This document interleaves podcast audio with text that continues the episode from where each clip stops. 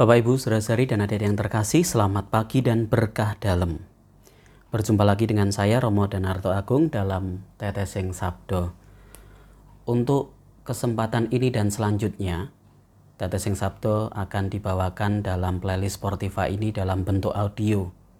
Tujuannya supaya sabda Tuhan dapat selalu kita dengarkan dan merasuk dalam hidup serta hati kita sehingga berdaya dampak dalam kehidupan kita maka selalu Anda nantikan renungan mingguan Tetesing Sabdo yang akan selalu saya update setiap minggunya. Untuk kesempatan pembuka ini saya akan mengajak Anda untuk merenungkan dari Injil Matius bab 10 ayat 16 sampai 23 yang merupakan bacaan Injil hari Jumat tanggal 9 Juli ini.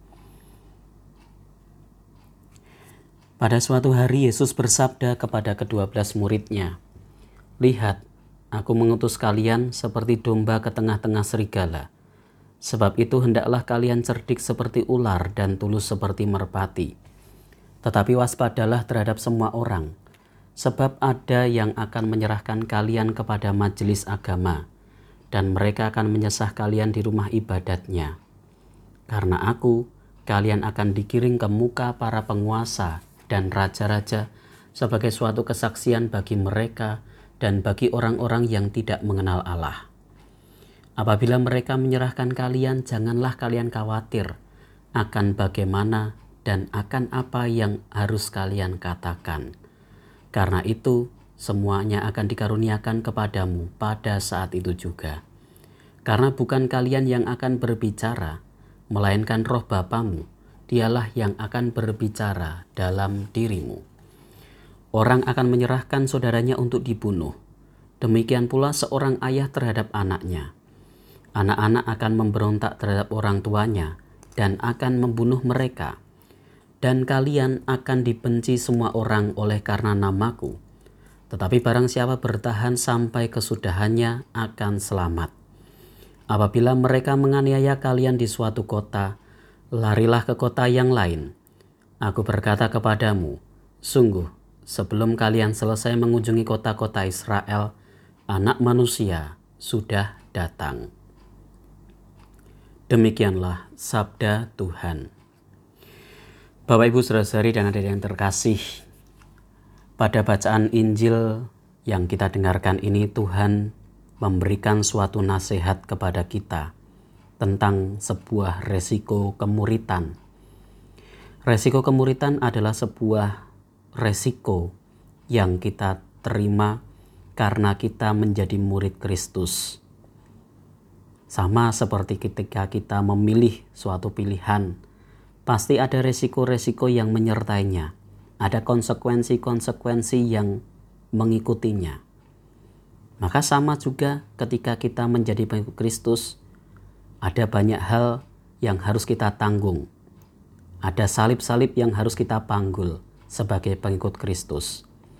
Saya rasa tidak hanya kita saja, tetapi juga mereka yang mengikuti Nabi Muhammad. Pasti juga ada resiko kemuritan yang mereka terima. Mereka yang mengikuti Buddha pasti juga ada resiko kemuritan yang mereka tanggung. Maka itu selalu dialami oleh setiap orang yang memilih iman kepercayaannya.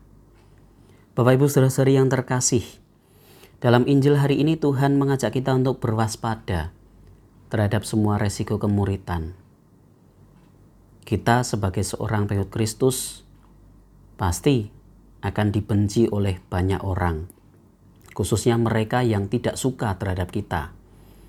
Dan itu juga sudah dialami oleh kedua belas murid maka dalam Injil tadi, Yesus mengajak para muridnya untuk waspada terhadap orang-orang yang membenci mereka.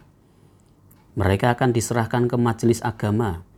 Mereka akan menyesahnya di rumah ibadat, digiring ke muka para penguasa dan raja-raja. Seolah-olah diadili karena pilihan iman yang para murid hayati. Nah Bapak Ibu saudara-saudariku yang terkasih, dalam hidup kita pasti juga memiliki suatu resiko kemuritan. Berbeda-beda.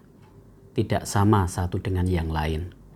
Tetapi bagaimana kemudian kita menanggapi dan menjalankan resiko kemuritan itulah yang harus senantiasa kita laksanakan dengan sebaik-baiknya. Dan Tuhan selalu mengajak kita untuk memiliki sikap berpasrah. Jangan khawatir. Tadi Tuhan mengatakan, "Janganlah kalian khawatir akan bagaimana dan apa yang harus kalian katakan, karena semuanya itu akan dikaruniakan kepadamu pada saat itu juga."